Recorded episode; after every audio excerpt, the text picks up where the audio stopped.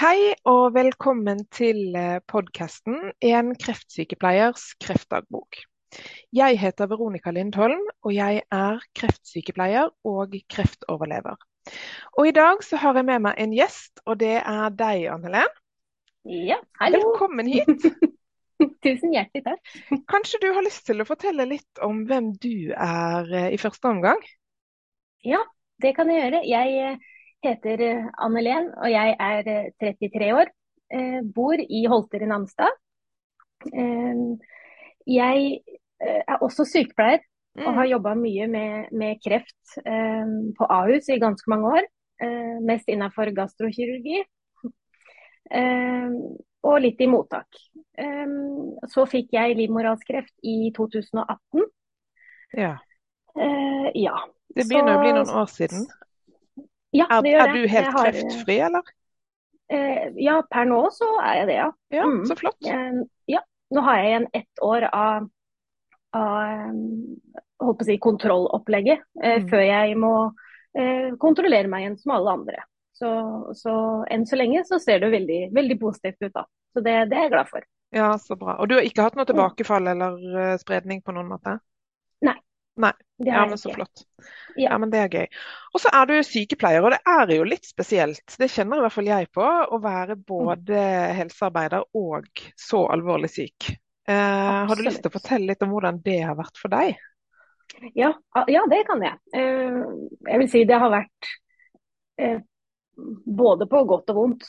Mye godt òg. Eh, men, men jeg, jeg vil si jeg følte meg mer sårbar på mange måter. For jeg hadde en forventning om hvordan jeg burde oppføre meg, og hvordan at jeg burde um, Jeg burde være ha mer altså, Jeg hadde en helt annen respekt for sykepleierens tid, ikke sant.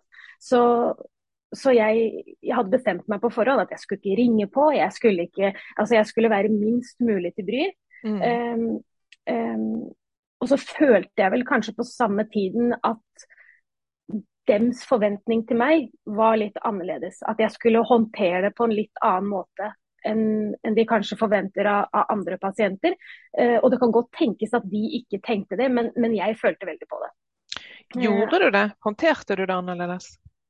Eh, jeg, nei, jeg tror nok at, eh, at jeg som menneske har akkurat de samme behova som det alle andre har, og, og, trenger å bli møtt egentlig på samme måten. Um, så jeg tror nok ikke jeg var annerledes enn en andre pasienter, annet enn at jeg hadde annen kunnskap om det jeg sto i, uh, og, ja, enn en det kanskje gjennomsnittspasienten har. Veldig mm. fint at du sier, for jeg opplevde jo akkurat det samme. Uh. Og Det var også veldig sterkt hos meg, men hos meg så opplevde jeg at den kunnskapen som jeg egentlig har og hadde, den forsvant. Jeg vet ikke om du opplevde ja.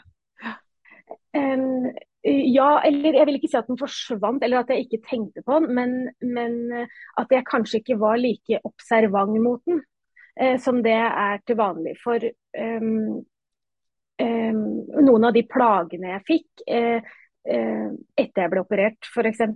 Um, jeg greide ikke identifisere behov som jeg hadde, som jeg ville ellers sett. Mm. Um, sånn som at, uh, at det er en, en, veldig sånn eh, Det å, å, medisinere eller smertelindre luftsmerter etter, et, uh, etter en laparoskopi f.eks. har vært vant til at eh, det er veldig lite som hjelper. Så det er på en måte ikke noe å medisinere. Um, men da jeg gikk der med forferdelige luftsmerter selv, så det falt meg ikke inn å spørre om smertestillende. For jeg, jeg hadde lært at Eh, at det her er det ingenting som hjelper mot. Og så til slutt så greide en sykepleier å overtale meg til å ta, ta imot smertestillende, og det funka jo kjempegodt. ikke sant? Mm. Så, så, så, jeg tror nok at man kan fort eh, sette seg litt fast i det man vet, eh, og, og overse litt eh, de de behovene man har, fordi man tenker at man vet bedre, og så gjør man egentlig ikke det. Nei. Ja, jeg opplevde litt det samme, og, og kjente at uh, jeg, jeg, var veldig skarp i forhold til noen ting, kanskje spesielt det tekniske. Det var jeg som bestemte hvilke nåler som skulle inn og, ja, og sånne ting. Hadde du det sånn òg, eller? Ja, ja. Ja. Mens helt sånn andre ting, det, det klarte jeg ikke å forholde meg til Nei. i det hele tatt. Så det er en litt sånn lik opplevelse. Det er litt interessant. Mm, absolutt. Opplevde du det som en eh, belastning eller en styrke å ha den kunnskapen du hadde? Eh, begge deler. Ja. Um, for um, jeg Jeg vil si jeg eh, Belastningen er at, at man, man kan mer om den sykdommen man er i. Man, man, man veit litt hva som, kan, hva som kan gå gærent, egentlig. Og, og litt hva skjer nå hvis det her ikke fungerer. Mm. Da, da veit jeg at da blir det en vanskelig vei. Mens, mens hvis du ikke veit det på forhånd, så, så er det en beskjed du får mens du er i en krisesituasjon og du, du allerede er i, i fighting mode, på en måte. Um, mens, uh, mens jeg, når jeg fikk diagnosen, så da leste jeg meg opp på forhånd. Sånn at jeg visste allerede før jeg kom til Radiumhospitalet, da visste jeg hva slags behandlingsalternativer jeg hadde å velge mellom. Mm. Eh, sånn at jeg møtte veldig forberedt, og det ville jeg jo ikke gjort hvis jeg ikke var sykepleier, er jeg ganske sikker på. Mm. Um, I hvert fall ikke på samme måte, for jeg veit hva jeg skal leite etter, og jeg veit hva jeg skal se etter. Så, um, så jeg tror nok at, uh, at det er både en styrke og en, uh, en svakhet, holdt jeg på å si. Eller mm. um, ja. Um, så Det er jo litt artig at du sier det. Jeg hadde det faktisk, jeg blanda litt meg selv inn i dette, selvfølgelig. Eh, Mm. Men jeg hadde det på helt motsatt måte. Jeg har til dags dato ikke googlet én eneste ting i forhold til min egen eh, kreftsykdom. Rett og slett fordi at wow. Ja. eh, det ble på en måte en overlevelsesmekanisme for meg. Fordi med en gang jeg begynte å lese statistikk eller prognose, og da gikk det helt i svart. Så jeg koblet ja, helt ut og ble mm, lot andre stå for det. Ja, Mm. det var nok sikkert veldig smart. Det var nok en overlevelsesstrategi, og jeg har jo alltid sagt det til mine pasienter òg, at Google kan være litt farlig. Mm. Uh, og den har jeg virkelig fulgt selv òg. Ikke googlet Ja. noen ting. Så, så smart. ja da. Uh, men du er jo tilbake i jobb nå. Er du tilbake 100% eller? Eh, per nå så er jeg ikke det. Eh, Nei. eh, for nå har jeg fått en runde til med fatigue. eh, så, så akkurat nå så Det begynner å komme seg igjen, så nå har jeg økt til 50% Så nå, er jeg, nå jobber jeg 50 og det blir spennende å se hvordan det blir fremover, da, om det går greit eller ikke. Men jeg har, jeg har jobba eh, 100 eh, Jeg var tilbake 100 tre måneder etter jeg ble operert. Um, og igjen litt fordi at jeg hadde sett litt på statistikk hvor, hvor mange som blir uføre etter kreft. Mm. Eh, og jeg var kjemperedd for å bli ufør. Eh, så jeg, jeg forta meg tilbake i jobb egentlig altfor fort. Ja. Eh, så det resulterte i at jeg selvfølgelig fikk fatigue eh, en stund etterpå, for jeg dro strekken altfor langt. og Jeg visste ikke hva jeg skulle se etter. Eh, og jeg var såpass naiv at jeg tenkte at siden jeg ikke hadde fått cellegift, så, så kunne ikke jeg få fatigue. Eh, så så jeg, jeg tenkte at eh, nei, jeg er in the clear, så jeg kan bare kjøre på. Det kunne jeg jo ikke. Jeg fant fort ut at, at jeg var like utsatt som alle andre. Så, så, så jeg brukte nesten et år på å komme meg tilbake igjen i 100 eh, Og så ble tempoet på Ahus det blei for mye for meg. Eh, Så jeg, eh, jeg begynte å jobbe på LHL-sykehuset på Gardermoen istedenfor, eh, hvor jeg jobber på en helt annen måte, og det har fungert så mye bedre. Mm. Så, så jeg har greid å stå i 100 eh, men så har jeg gjort feil med å jobbe altfor mye ekstra og ta på meg masse tilleggsoppgaver som jeg ikke burde, burde gjort. Hvor man vil så gjerne, og du er jo ung, ikke Ja. sant? Da, Mm. ja, man er ikke klar Ja. til å sette seg ned. Nei, det er akkurat det. Ja. Jeg eh, er veldig motivert. eh, Og det, det er eh, Ja, det kan være en På godt og vondt. Ja, absolutt. Mm. Absolutt. Mm. Ja, jeg hadde også samme erfaring, at jeg gikk altfor tidlig tilbake og gikk på en skikkelig smell. Men Ja. når du sier en ny runde i gåseøynene med Ja, ja. hva, hva, fortell om det. Hva betyr det at du får en Ja. runde med fatigue? Ja, ja, det er et godt, godt spørsmål. Men jeg Første, første runden så, så så jeg for meg at eh, det her, nå skal jeg gjøre alt jeg får beskjed om, og jeg skal lese meg godt opp om hva jeg kan gjøre, og skal jeg gjøre alt det, og så skal det bli bra. Det var det jeg tenkte. Eh, og så tok det jo mye lengre tid enn jeg hadde planlagt. Eh, det tok nesten et år før jeg begynte å kjenne noe bedring. Eh, og når, når det blei bedre, så visste jeg jo egentlig langt baki her at det her har blitt kronisk. Eh, ikke sant? For det har, vart, det har vart så lenge. sånn at det her er noe som ligger der og ulmer.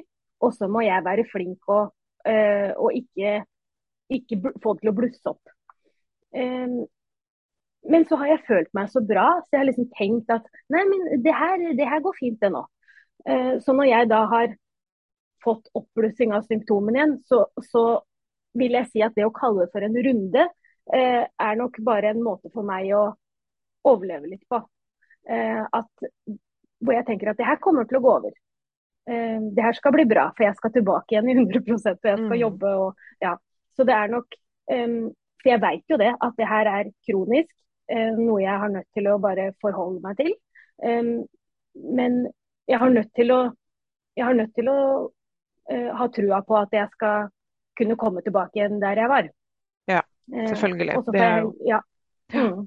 Men jeg tror at dette her er veldig vanlig. Jeg tror veldig veldig mange kreftpasienter opplever dette her. Og jeg tror at mange også sliter med å få forståelse. Det er derfor jeg litt spør litt inn til det. fordi jeg tror mange sliter mm. med å få forståelse for at ja, men du var jo bra for tre måneder siden, hvorfor ligger ja. du nede nå? Eller du mm. klarte jo det og det i går, hvorfor klarer du det ikke i dag? Ja. Uh, så jeg tenker at det er uh, generelt burde vært mer fokus på hva fatigue er.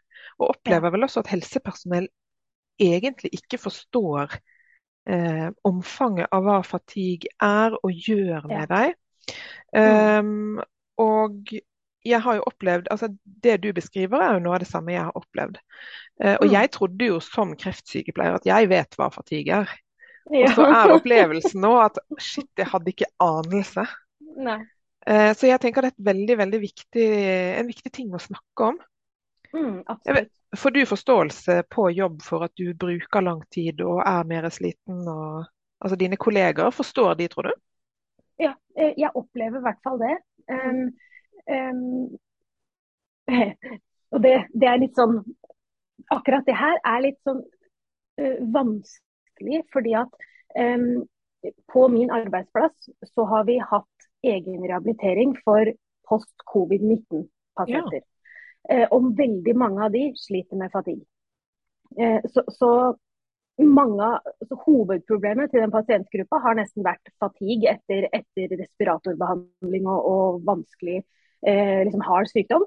Mm. Um, og det jeg har opplevd litt um, underveis der, er at um, noen av kollegaene mine har, har hatt vanskeligheter med å godta at fire uker ikke kan være nok eh, for å komme i mål. ikke sant? Og for det her er jo snakk om kanskje veldig unge, unge folk som, som, er midt under utdanning, eller som har fått det her kasta på seg ikke sant? og forstår ikke. Og det er en stor sorg eh, i livene deres. Så, så, jeg tror det har vært vanskelig òg for, for, dem som ikke har kjent det på kroppen sjøl, å skulle greie å forstå 100% hvordan, hvordan det der føles. Mm. Um, for det handler ikke bare om at du er sliten og trøtt og trenger å sove mer, men det handler mye om, um, om de følelsene du sitter der med. Og det er vanskelig å sette seg inn i hvis du ikke har kjent på det sjøl, tror jeg. Mm. Jeg opplever vel at uh, tidligere når jeg var sliten, så hadde man allikevel det lille ekstragiret. Man klarte å pushe seg, man klarte å å gjøre det man skulle selv om man var sliten, fordi man hadde det mm. ekstra giret. Altså, man i ja. gåseøyne tok seg sammen. Og det giret er fullstendig borte for meg. Altså, når, ja. når det er stopp, så er det stopp. Uh, og ja, det tror jeg er vanskelig å forstå når man ikke når man vet at for de fleste så er det jo sånn at man har det lille ekstra, så man klarer å mobilisere i en type eh, krisesituasjon, det er kanskje litt voldsomt ord, men, mm. men, at det giret er så borte, og at det selvfølgelig påvirker psyken også. Mm. Um, og så er det for, min, for, mitt vedkommende er det veldig fysisk òg. Det er ikke bare slitenhet. Det gir seg utslag i veldig mange andre ting også. Jeg vet ikke om du kjenner mm. på lysskyhet, lyd, sensibilitet, sensibilitet, sånne ting? Ja, eh, mm. ja, ja veldig på, på lyd. Eh, og særlig da hvis jeg allerede er veldig sliten. Mm. Eh, hvis jeg på en måte har nådd min grense for dagen, mm. så så, så, sliter jeg veldig. Da må vi ha TV-en f.eks. Hvis den står på, da må den stå på lavt. Mm. Um, uh, og jeg orker å skulle sitte på en kafé da, helt utelukket. For, mm. for det uh, da, da, da, bare soner jeg ut, for det har jeg prøvd. Da blir jeg sittende og bare glane ut i, ut i intet. Og, og, akkurat som hjernen min bare kobler seg fra. Uh, så det, det, er veldig, veldig rart, ja. egentlig. Mm. Har du klart å forklare venner og familie og kollegaer hvordan altså En ting er å forklare det, men føler du at du klarer å forklare det sånn at de faktisk forstår det? Både og. Jeg føler i hvert fall at familien min, um, dem forstår det. Føler jeg. Dem, dem, for dem, dem, ser jo hvordan jeg har vært og hvordan jeg er. Så dem, greier å, å, sammenligne det på en litt annen måte. Um, uh, og med kollegaer så føler jeg at i og med at vi har hatt disse pasientene sjøl, så har de en litt annen ballast i form av faglighet. ikke sant? Men mm. at, uh, sånn at de har sine allerede um, har sine meninger om, om, om denne tilstanden. Uh, så jeg føler vel at de forstår veldig godt på mange måter.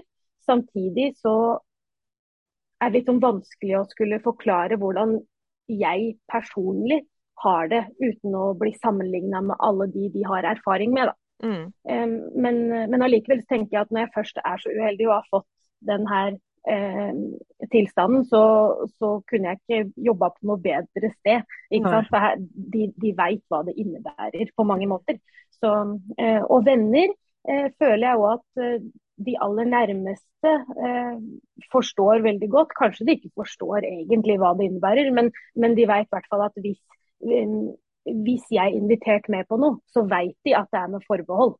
Eh, at det, det, der kan planene endre seg i siste øyeblikk. Så, og, og det, det, har de vært veldig klare på at det er helt, helt greit. Mm. Så, så bra. Mm. Det er jo kjempeflott. Handler det om din åpenhet, eller handler det om at du har veldig gode mennesker rundt deg? Eh, begge deler. Ja. eh, ja. ja. ja. Eh, jeg har vært veldig ærlig. Mm. Så, så, og det er viktig. Og at, vært, ja, tenker at det er det smarteste jeg kan, kan gjøre.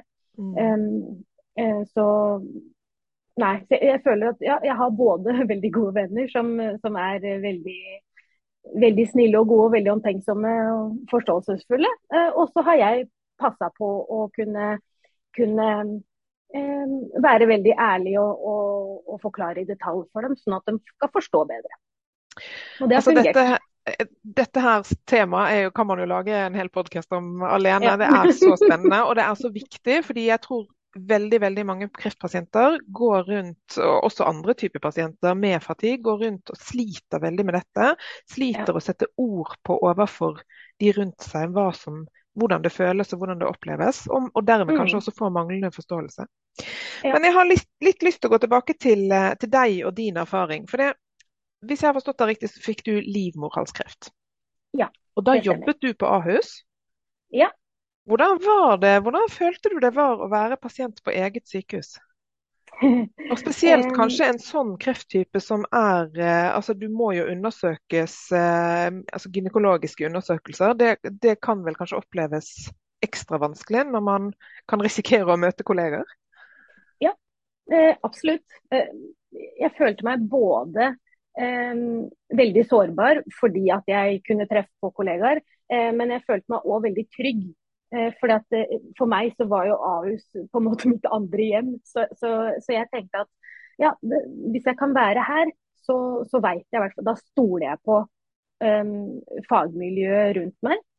Um, så, så, da jeg Da det først var bekrefta, eller da, da, visste de ikke at det var kreft, men jeg skulle uansett uh, få gjort konisering, hvor man må man fjerner ytterste delen av livmorhalsen. Um, og da, Det skulle jeg jo gjøre på Ahus. Uh, og da var det den sykepleieren som assisterte da. Hun hadde gått på sykepleien sammen med Ja. ja. Og, men, men, hadde du en tanke om at dette går ikke, eller føltes det naturlig at hun var der allikevel? Eh, det var litt ubehagelig akkurat idet jeg kom inn og så så ansiktet hennes. For da tenkte jeg å ja, du veit jo hvem er. Men så tenkte jeg men nei, vet du hva. Hun er på jobb. Eh, så, og hun er en profesjonell sykepleier, så, så, så det, det, må bare være greit. Eh, jeg vet at det, hvis det ikke hadde vært greit, så hadde det også gått helt fint. Men, men jeg tenkte at det her er ubehagelig i utgangspunktet, så, mm. så det her går fint. Fikk du spørsmål ja. fra, fra, hennes side om hun skulle gå ut? Ja. ja.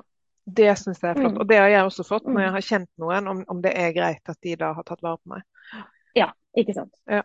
Ja. Min opplevelse var jo at når man jobber, for jeg har jo også jobbet mange år på Ahus, og min opplevelse var at man ser jo systemet med alle sine feil og mangler, også når man jobber på innsiden. Og da jeg ble syk, så kjente jeg på å nei, jeg vil ikke være pasient på Ahus.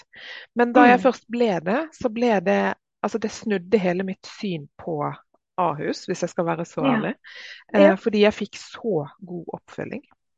Eh, så jeg ja, fikk en ekstremt god erfaring av hvor, hvor, kompetente og dyktige Selvfølgelig litt avhengig av hvor man er, og selvfølgelig hadde jeg også dårlige opplevelser, men stort sett ja. så var det fantastisk å være pasient på eget sykehus.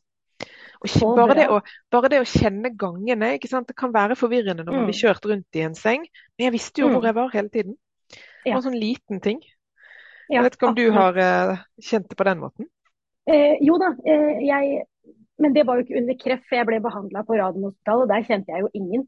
Eh, men, men, eh, jeg ble lagt inn en stund etter, eh, etter jeg var ferdig behandla.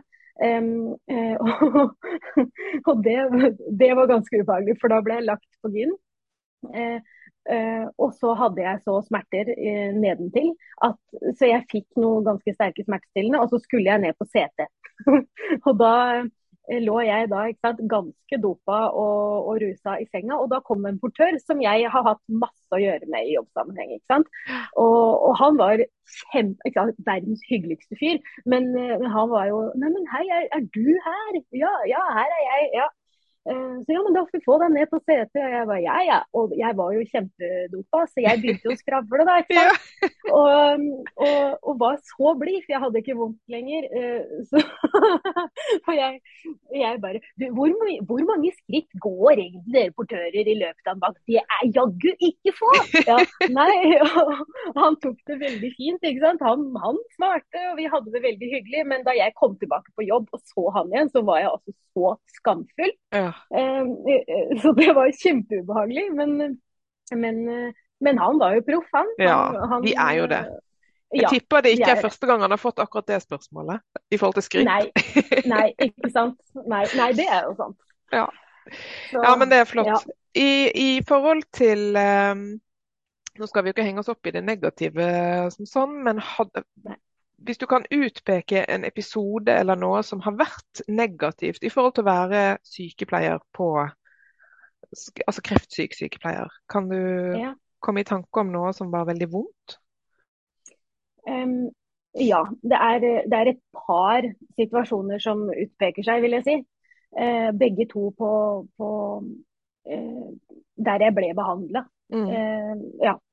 Eh, og, og den, den, ene var eh, da jeg skulle eh, inn til samtale før operasjon. Da skulle, det, da skulle, det, bli bestemt hva slags behandling jeg skulle ha. Om det skulle forklares om jeg hadde spredning, om jeg trengte stråling og cellegift i tillegg til, til, operasjon. Og jeg skulle få vite hva slags operasjon jeg skulle gjennom. For jeg visste at jeg måtte operere uansett. Mm. Eh, og den, den, legen jeg møtte møtte da, var eh, utrolig ufin. Mm. Eh, og det skal sies at min terskel eh, hva gjelder oppførsel på, på, av leger, den er ganske høy. Mm. Jeg jobba med leger i ganske mm. mange år. Eh, men det der var langt over grensa. Og jeg tenkte, eh, jeg tenkte Oppfører denne legen seg sånn hver dag, eller er det bare, bare at jeg har vært mm. uheldig i dag? Mm. Eh, for, for, det var hun prata med meg som om alt var den største selvfølgelighet. Eh, um, eh, og sånn at Jeg kjente veldig på at det her var dagligdags for hun. Eh, um, og det var veldig lite empati å spore. Og, og, da jeg jeg, jeg, ble jo kjempeglad da jeg fikk høre at, at jeg ikke trengte noe, noe, videre Eller at det så ut som at jeg ikke trengte noe, noe videre behandling etter kirurgi. Så ble mm. jeg kjempeglad, for jeg, jeg forsto jo hva det innebar. Eh, og, og, og, hun kunne ikke forstå hvorfor det gjorde meg så glad. Um, og så da hun skulle undersøke meg, så var, var hun utrolig hardhendt. Mm. Uh, unødvendig hardhendt. Jeg, jeg har aldri opplevd at en gynekologisk undersøkelse er smertefull pga. hvordan jeg ble håndtert. Mm. Men det var den. Mm. Uh, hun var såpass hardhendt at sykepleieren måtte be om å roe seg. Wow. Uh, ja. Mm. Så, så, så, det var utrolig vanskelig. Ja, det skjønner jeg. Uh, ja. Og det er veldig trist, fordi, fordi også, dels, dels, at du er så ung. og jeg innbiller meg, rett meg hvis jeg tar feil nå, at jo yngre man er, jo mer sårbart vil jo en sånn undersøkelse kanskje føles. En gammel kråke ja, som meg har jo blitt vant, vant til det i gåseøynene. Men altså, du kom jo da som var 27 eller noe sånt? Eh, 28. Mm. Ja, men relativt mm. ung allikevel, ikke sant? Og, ja. Mm. ja det, det, er i mm. seg selv en sårbar situasjon. Topp, legg på litt kreft og ja. Eh, alt det medfører, så er det veldig veldig mm. trist at, at, man skal oppleve sånne ting. Ja, veldig. Um, så, og så var det én ting til som, som jeg opplevde som, uh, som, veldig vanskelig. For um, jeg, jeg, var jo så uheldig at jeg fikk veldig sterke smerter etter operasjon uh, pga. Uh, gass som, som, var spruta inn under operasjon. Ja. Mm. Um, uh, og det var tydelig at de ikke hadde fått ut ganske mye veldig mye av den gassen. Så, mm. så, de smertene som jeg fikk, er litt, litt mer enn det som er vanlig. Ja. Uh, um, så jeg var helt utslitt. Mm. Uh, og så på morgenen da, postoperativ dag nummer to, så, um, så var jeg så sliten. Og da kom nattevakta inn for å ta målinger og blodprøver og sånn på morgenen klokka seks. Um, og da, når hun tok målinger av meg da, så hadde jeg 70 på 52 i blodtrykk. Wow. Eh, og jeg hadde 38,3 i den. Mm. Um, og, eh, og, da tenker man jo som sykepleier at oi sann, her, her, kan det være noe å gjøre, så nå må vi henge opp litt væske og så må vi kontakte legen og høre hva som skal skje. ikke sant? Mm. Eh, jeg var så sliten, og i etterpåklokskapens lys så forstår jeg hvorfor jeg var så sliten. For man blir jo det av å ha så lavt blodtrykk. Um, men jeg ville bare sove. Eh, jeg fulgte med på målingene som ble tatt, så jeg visste at det, at det var så lavt. Så sier nattevakten eh, men vi skal ikke henge opp litt væske, da? Med spørsmål til meg. Ja. Eh, ja. Og så sa jeg at jeg orker ikke. Jeg vil, kan, jeg, jeg, jeg vil bare, kan ikke jeg bare få sove? Mm. Og så sier sykepleieren jo da, det går greit. Eh, ja. Og så, og så, så jeg ikke noe mer til den sykepleieren. Eh, det ble heller ikke tatt kontrollmålinger i løpet av det døgnet. Nei. Det er ganske eh, spesielt. Det er veldig spesielt. Mm. Eh, og det var akkurat som at jeg fikk den følelsen at å ja, er det her min feil for at jeg sa at mm. jeg ville sove? Mm. Eh, men så har jeg tenkt på det ettertid at nei, vet du hva, det er det faktisk ikke. For hadde, hadde det vært meg som sto der som sykepleier og en, en, en kreftoperert pasient med så lavt blodtrykk hadde sagt kan ikke jeg bare få lov å sove, så hadde jeg sagt vet, beklager, men det, det går faktisk ikke. Ja. Og eh, det, er jo det riktige, tenker jeg. Ja. Mm. Mm. Altså, jeg tenker at dette er et eh, obs obs til alle sykepleiere og for så vidt også leger der ute som hører på dette her. At mm. når man får inn helsepersonell som pasienter, så er de pasienter. Ja. Og, og, noe av det vondeste jeg opplevde, det var når, jeg, når, det kom inn, det skjedde to ganger, sykepleiere som kom inn og sa ja, men dette vet jo du alt om. Ja. Og det var så sårt. Og dels var det vondt fordi jeg følte at nei, jeg vet ingenting. Jeg er så sårbar i den situasjonen her, så nå må du hjelpe meg. Jeg kan ikke være fagperson når jeg ligger her som pasient. Og det er jo litt det jeg hører du eh, Samme gate du har opplevd. Og, mm. og det, det, har faktisk vært noe av det verste for meg. At jeg ble pålagt eh, å skulle kunne fungere som fagperson. Og det kan man ikke i en sånn situasjon. Nei. Um, er, man, har, man, har, egentlig ikke sjans. Og, og har man det, så, så, gir man jo uttrykk for det. Ja. Uh, på en litt annen måte enn midt på natten rett etter en operasjon, tenker jeg. ja, ja. ja. Um, det er jo september nå, og det er uh, fokus på gynekologisk kreft. Um, hvis du skulle sagt noe, gitt et råd til kvinner generelt ute i verden, hva skulle det vært? Ja, det, det er eh, kanskje litt eh, ufølsomt, vil kanskje noen tenke. Men, eh, men, jeg vil si at hvis jeg skal gi ett råd, så er det ta ansvar eh, for din egen helse. Mm. Um, men hvordan fordi, gjør man det? Hvordan oppdager man en gynekologisk kreft hvis man ikke går til uh, gynekolog? Det gjør man vel mest sannsynlig ikke. Så fremt mm. du ikke blir lagt inn av en annen grunn om man tilfeldigvis finner det når man tar et mm. bilde, f.eks. Um, det, her, er, her, ligger ansvaret på hver enkelt. Um, fordi så, nå, nå, er det jo med eggstokkreft og sånn, så er det jo en helt annen sak. For det, ja. det, er, det er, veldig vanskelig å oppdage. Eh, men når det kommer til i hvert fall livmorhalskreft, så har vi ganske enkle metoder for å kunne avdekke det. Og vi har òg eh, vært så heldig at vi har nå, nå, er det et opplegg som gjør at du skal kunne eh, unngå å få det. Mm. Eh, og da tenker jeg at da er vi nødt til å ta ansvar for å, for å følge opp det. Uavhengig av hvor ubehagelig det er å spre beina for en du ikke kjenner. Fordi det er det for alle. Mm. Det er ingen som syns det er noe kult. Uh, så, så, for meg så er det litt sånn tough love, egentlig. Mm. Um, fordi at hvis, hvis, det er grunnen til at man velger å ikke sjekke seg, så kan jeg garantere at hvis man er så uheldig å få en, en kreftsykdom i underlivet, så må man ligge sånn på utstilling mm. Ofte. Ja. Veldig ofte. ja. ja. Men hvor så, tidlig så det, bør man begynne å sjekke seg, tenker du? Uh, jeg jeg syns i utgangspunktet at man skal følge eh, opplegget som, som, er. At man skal begynne å, å sjekke seg jevnlig hvert tredje år fra man fyller 25. Men hvis man opplever symptomer før fylte 25, så syns jeg det er viktig å, og sjekke seg. Eh, samme gjelder hvis man har en mor eller en søster eller en tante som har hatt Eh, kreft i underlivet tidligere, så syns jeg òg at leger bør åpne opp for at de kan få sjekke seg før mm. man har fylt 25. Eh, jeg har jo veldig lyst til å slå et slag for eggstokkreft òg. Fordi det er ja. veldig lite som skal til for å Altså man kan be om å få en ultralyd mens man ligger der. Eh, ja. Og det er en liten stav opp, og det tar ett minutt. Ja, det eh, og det gjør, vet jeg ikke om gynekologer generelt gjør automatisk, men jeg har bedt om det helt spesifikt. Jeg skal ha ultralyd. Og det får jeg hver gang. Så bra. Ja. ja så bra. Fordi eggestokkreft er altså I buken så er det god plass. Det kan ligge og vokse i lang tid ja. før det blir oppdaget.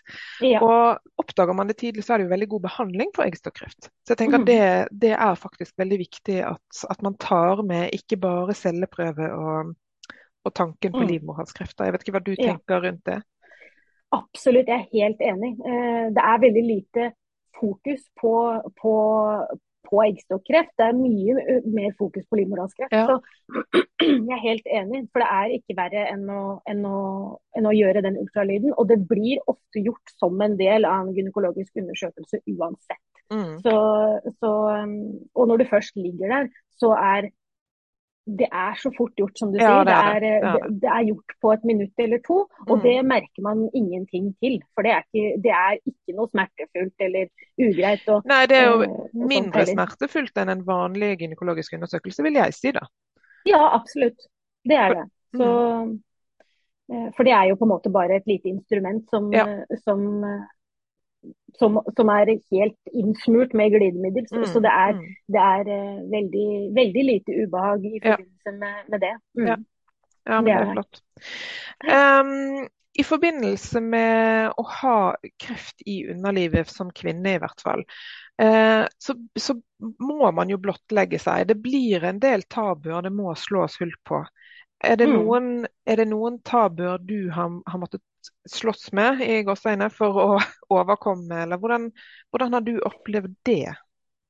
Um, nå er jeg i utgangspunktet ganske åpen, så, så jeg, kan, jeg, kan, egentlig prate om det aller meste. Men mm. det jeg har opplevd, uh, det er at uh, de som har behandla meg, uh, de har unngått visse, visse samtaleemner Mm. eh, som har vært viktig for meg å prate om. Eh, Mm. sånn som f.eks. når eh, er det noe spesielt jeg må tenke på når jeg har sex? Mm. Ja, det er kjempeviktig. Eh, ja, ikke sant. Eh, og det, det Da blir de satt ut. Og det er Ja. gynekologer, så jeg ble litt satt ut av at de ble satt ut. Mm. tenkte jeg å ja, for, for, blir det ikke spurt om det her? Er ikke det her noe dere informerer om? Og i hvert fall en så ung kvinne. Ja, ikke Mm. sant? Og jeg satt der med mannen min ved siden av meg i tillegg. Um, og så tenkte jeg ja ja, det her lurer han sikkert på. Så, Ja. så jeg bare spør. Og hun ble helt, hun ble helt sånn «Øh, Sex, ja. Ja. Uh, så ja, er det når, når kan vi ha sex igjen nå? Nei, nei. eh, eh, nei. Uh, kanskje Ja, i hvert fall vente en eh, to måneders tid, da. OK. Ja, men det, takk for at du svarte på det. Ja. Og så, og så er det noe spesielt mannen min må tenke på. Er det Nå har jeg en skjøt i, i skjeden min, ikke Mm. sant? og en, en, en, en, en skjede som nå er to, to centimeter kortere enn gjennomsnittet. Er det sånn at uh, mannen min må ta det veldig pent, eller er det liksom Mm. Vi blei helt satt ut. Så- Jeg er så glad for at du tar opp dette. Jeg har jo faktisk Ja. laget en, eh, en podcast-episode om seksualitet. Men jeg opplever, og jeg får også en sexolog inn som gjest nå snart, så det blir veldig Å, spennende. så spennende. Ja. Men fordi, også fordi jeg opplever litt det samme. Jeg hadde jo ikke gynekologisk kreft, men det ble, altså det ble et tabuområde, dette med seksualitet. Og så Mm. opplever jeg at det er forskjell på sex og seksualitet. Ja. Um, og seksualitet kan man snakke om så lenge det er teknisk, så lenge det er bivirkninger av en medisin, eller så lenge du får en glasstav i hånden og får beskjed om hvordan du skal bruke den. Men når det Ja. gjelder sex og det følelsesmessige rundt dette, så er det bare dødt stille som graven. Ja. Det, Og det er. Forståelig, men det er Mm. veldig galt. Fordi de Mm. aller fleste kreftpasienter får jo påvirket sin seksualitet på en eller annen måte.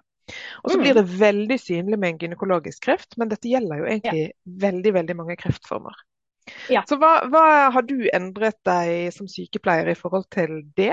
Altså, har du lettere for å ta opp dette temaet etter du- det du har vært gjennom? Ja. Veldig bra. Det- ja. Veldig bra. Ja, for, for det må jeg bare ærlig innrømme, at eh, jeg fokuserte ikke på å snakke om seksualitet og sex da jeg jobba på gastrokirurgien. Så hadde si, Men det hendte jo at jeg fikk spørsmålet fra hvis noen hadde hatt en, sant, en åpen bukoperasjon og fjerna en del tarm f.eks. Eh, eh, hvor det var kanskje en mann som lurte på «Ah, ja, hvordan, hvordan blir det hvis jeg skal ha sex med kona mi nå. Eh, hvor lenge må jeg vente? Og Da kunne jeg f.eks. si å ja, ja, du lurer på det, ja. Ja, selvfølgelig. Ja. Nei, Du bør i hvert fall vente en seks ukers tid, sånn at såret ditt er helt grodd og at muskler har fått satt seg litt. Og, ja. Em, og så Hvis de hadde noe mer tekniske spørsmål da, så tenkte jeg ja, da må jeg høre med kirurgen. Uh, Mm. fordi, sånn at de kan svare litt bedre på det. Men, eh, Men kan de det? em, Nei, de kan ikke det, fant jeg ut. Altså Det man vet, er jo at operasjoner i buken kan gi store plager når det gjelder altså smerter under sex. Ja. Eh, og det gjelder jo ikke bare underlivskreft, det gjelder jo mange andre former òg. Ja, ja, ja. Men det er jo ikke noe fokus på det. Og jeg undrer meg over hva Er det oss sykepleiere, helsepersonell det stopper oss, eller er det pasienten som vegrer seg for å spørre? Mm, ja, jeg, jeg tror nok det er litt begge deler. Det, eh, og så tror jeg det, at det handler om litt hvor mye erfaring man har som sykepleier, hvor trygg man er i rollen sin. Um, for, um, for vi har jo også hatt noen av mine kollegaer som har nærma seg kanskje pensjonsalder, som eh, hvis pasientene spør, altså de, de kan spørre om hva som helst, det er ingenting som er flaut. De bare prater i vei om hva som helst. Mm. Eh, mens eh, en, kanskje en nyutdanna sykepleier ville rødma og løpt sin vei, sant? hvis Mm. noen hadde nevnt eh, sex. Jeg tror nok at, at eh, erfaring har mye å si. Ja. Eh, Og alder vil jeg også tro. Ja, absolutt. absolutt. Og så er det noe med at når man sitter der som nyutdannet sykepleier på 22-23 år, og plutselig møter en mann på 60 som begynner å snakke om sin seksualitet, så kan det Ja. Altså, det et, et det blir en litt kulturkrasj også, fordi han Ja. har vært trygg i sin seksualitet kanskje i, i 40 år, mens hun Ja. Og det er jo ofte kvinner som er sykepleiere. Så, så det ja. Men det er et kjempeviktig tema, og jeg gleder meg til, eh, til å snakke mer om det. Nå får jeg en sexolog eh, på besøk. Det er jo helt fantastisk. Ja, det er kjempebra. Men eh, Du Anne Helen, du har jo hatt litt med Ida Øye Bjørkvold å gjøre. Og det var hun som hadde ledet dette kreft, kreft uten filter på Instagram. Ja. Mm. Og du har snakket om at du vil føre hennes kamp videre. Kan du fortelle Ja. litt om det? Absolutt. Hun gjorde en Altså, den jobben som hun gjorde, var helt ja, utrolig viktig og litt uten sidestykke. Du har på en måte hun, og så er det Thea Steen, som har, Ja. som har liksom virkelig fått livmorhalskreft og generelt gynekologisk kreft sånn opp og fram, og, og snakke, at det snakkes mer om.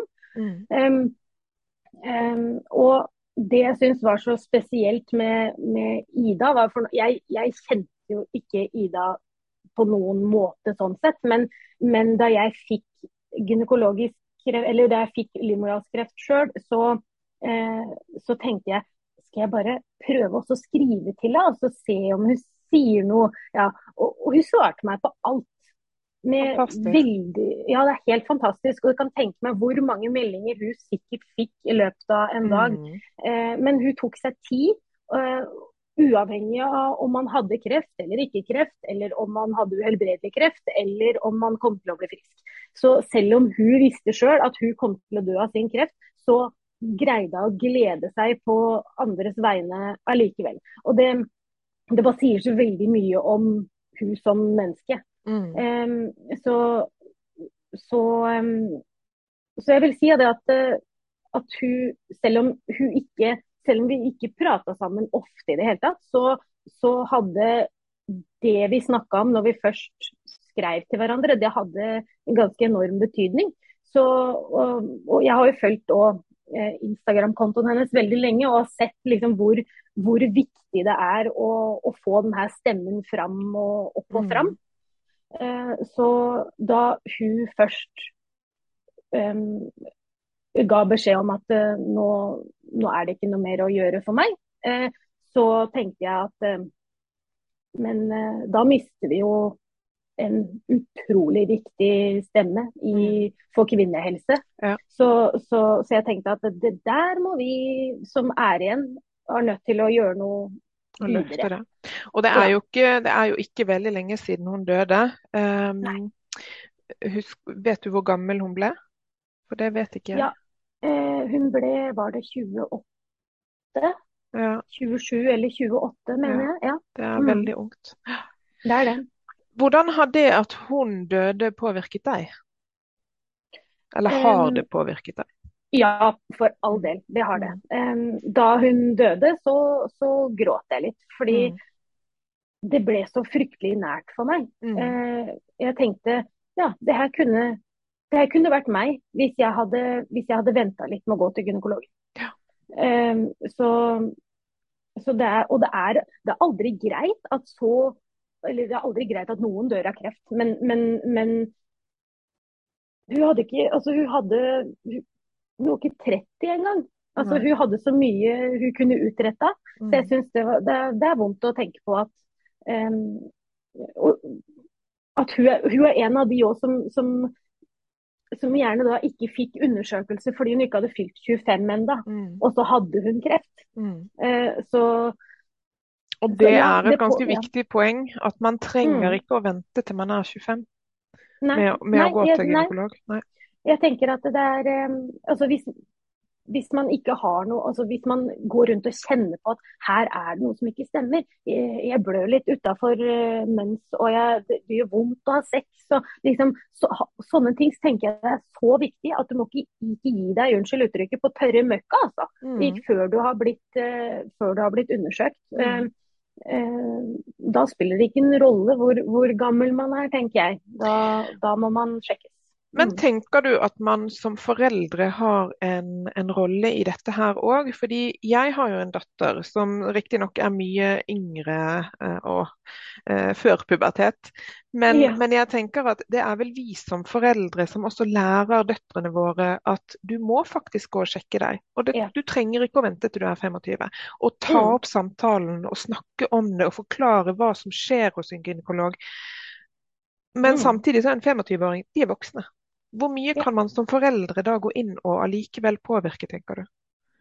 Ja, nei, altså Det er som du sier, eh, jo tidligere man begynner, jo bedre er det jo. Eh, at man prøver å normalisere det her med å gå til, til gynekologen. Jeg personlig hadde en mor som var veldig flink til det. Mm. Eh, som, som, prøvde å For jeg, jeg sjøl var hos gynekolog første gang da jeg var bare 13. Eh, eh, så, så jeg, hun brukte mye tid på å prøve å gjøre det så lite skummelt som mulig. Eh, og min første opplevelse var veldig god. Så, mm. så etter det så, så, var det aldri noe Det var ikke noe sånn angst involvert å gå til gynekologen, selv om jeg syns ikke det er noe koselig. Så, så, jeg tror nok at, eh, at den, som, som du sier, eh, prøve å hjelpe barna sine til å forstå at eh, det er ikke noe vi syns er kult å gjøre, men, men det er kjempeviktig. Og, er ja, og det er fort gjort. Mm. Det er noe av det viktigste du kan gjøre for deg sjøl. Ja, absolutt. Eh, ja. Spesielt fordi at det er et skjult organ. Man kan mm. ikke se hva som foregår der nede. Og desto Nei. viktigere å få det fulgt opp. Ja, absolutt. Mm. Absolutt. Og Samme gjelder òg rundt uh, eh, HPV-vaksine. tenker ja. jeg, og Det ligger et enormt uh, et, et, veldig stort ansvar hos foreldre. For mm. Hvis du spør en tolvåring da har du lyst på en, en vaksine nå, så sier den tolvåringen nei takk, ja. det har jeg ikke lyst på. Absolutt. ja.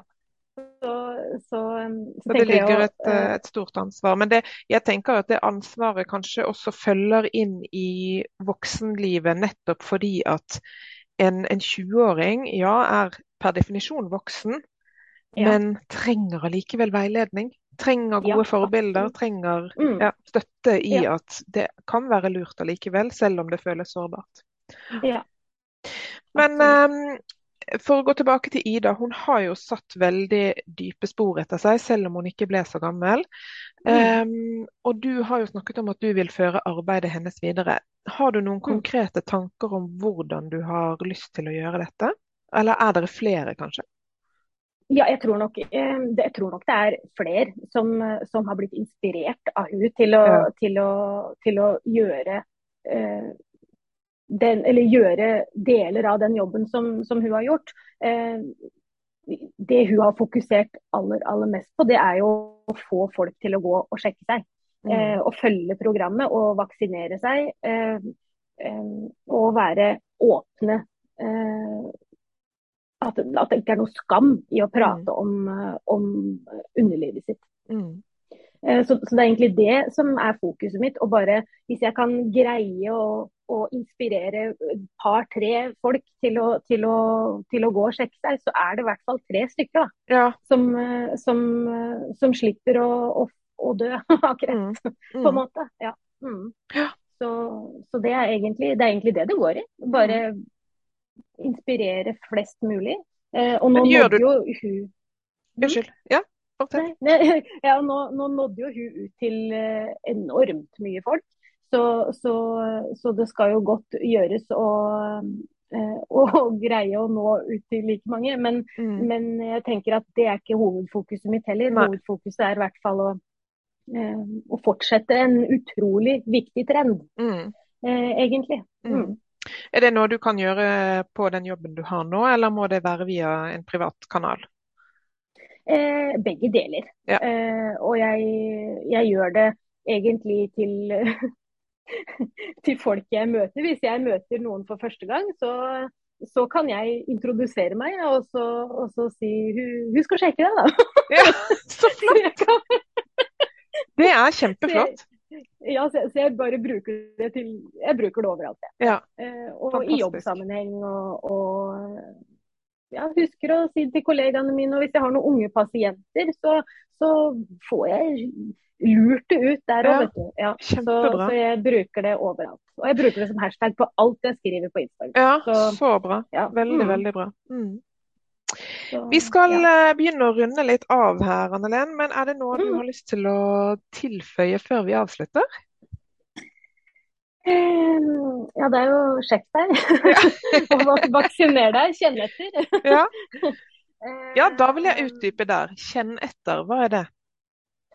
Ja, kjenne etter. Eh, det går på at hvis For det er ikke alt vi det er ikke alt vi kan føle eh, eller, eh, eller se. Eh, det handler om at hvis du Er det noe du kan merke at det er annerledes, enten ved å ta på det, eller hvis du føler at noe er feil. Du Mm. kjenner etter på deg sjøl, og du kjenner at det her er det som ikke stemmer. Eller du Mm. kan kjenne en klump, eller et eller annet. Oppsøk noe hjelp for det. Eh, det er det mer. Og at det ikke nødvendigvis det handler om ting du kan se og føle, men det handler om eh, litt magefølelsen og Mm. hvordan det er. For den magefølelsen, den vil jeg si noe om før vi avslutter. Ja, gjør det.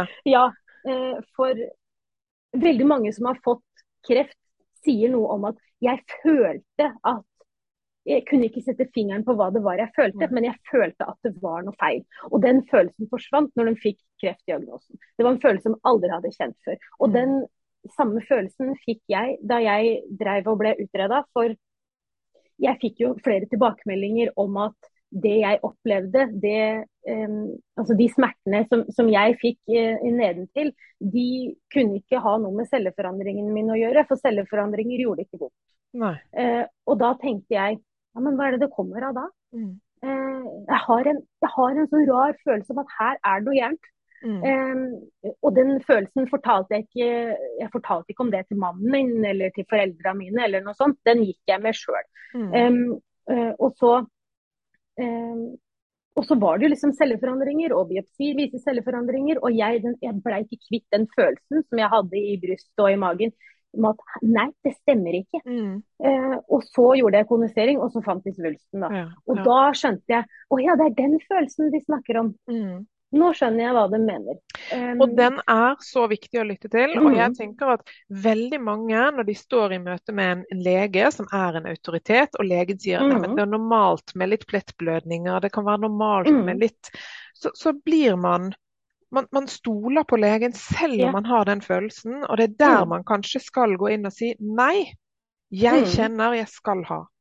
Og det Mm. kan være utfordrende og vanskelig, og spesielt når man kanskje er ung og ikke har vært Absolutt. i kontakt med Absolutt. helsevesenet før.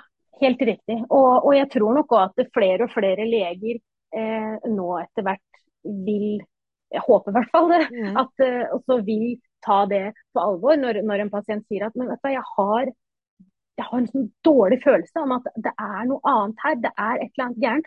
At, eh, fordi at man har sett nå at det er såpass mange som eh, Hvor det faktisk viser seg da, at Mm. her, var det, her var det faktisk noe mer. Um, så, så jeg tror nok at og håper at det vil bli tatt mer på alvor etter hvert. Og så Mm. er det heldigvis, vi får bare si det heldigvis, da, eh, og takk gudskjelov for det, så er det jo ofte sånn at uh, det legen sier, det stemmer det. Mm. Uh, ofte så er det ikke unormalt med litt sånn og litt sånn og litt sånn.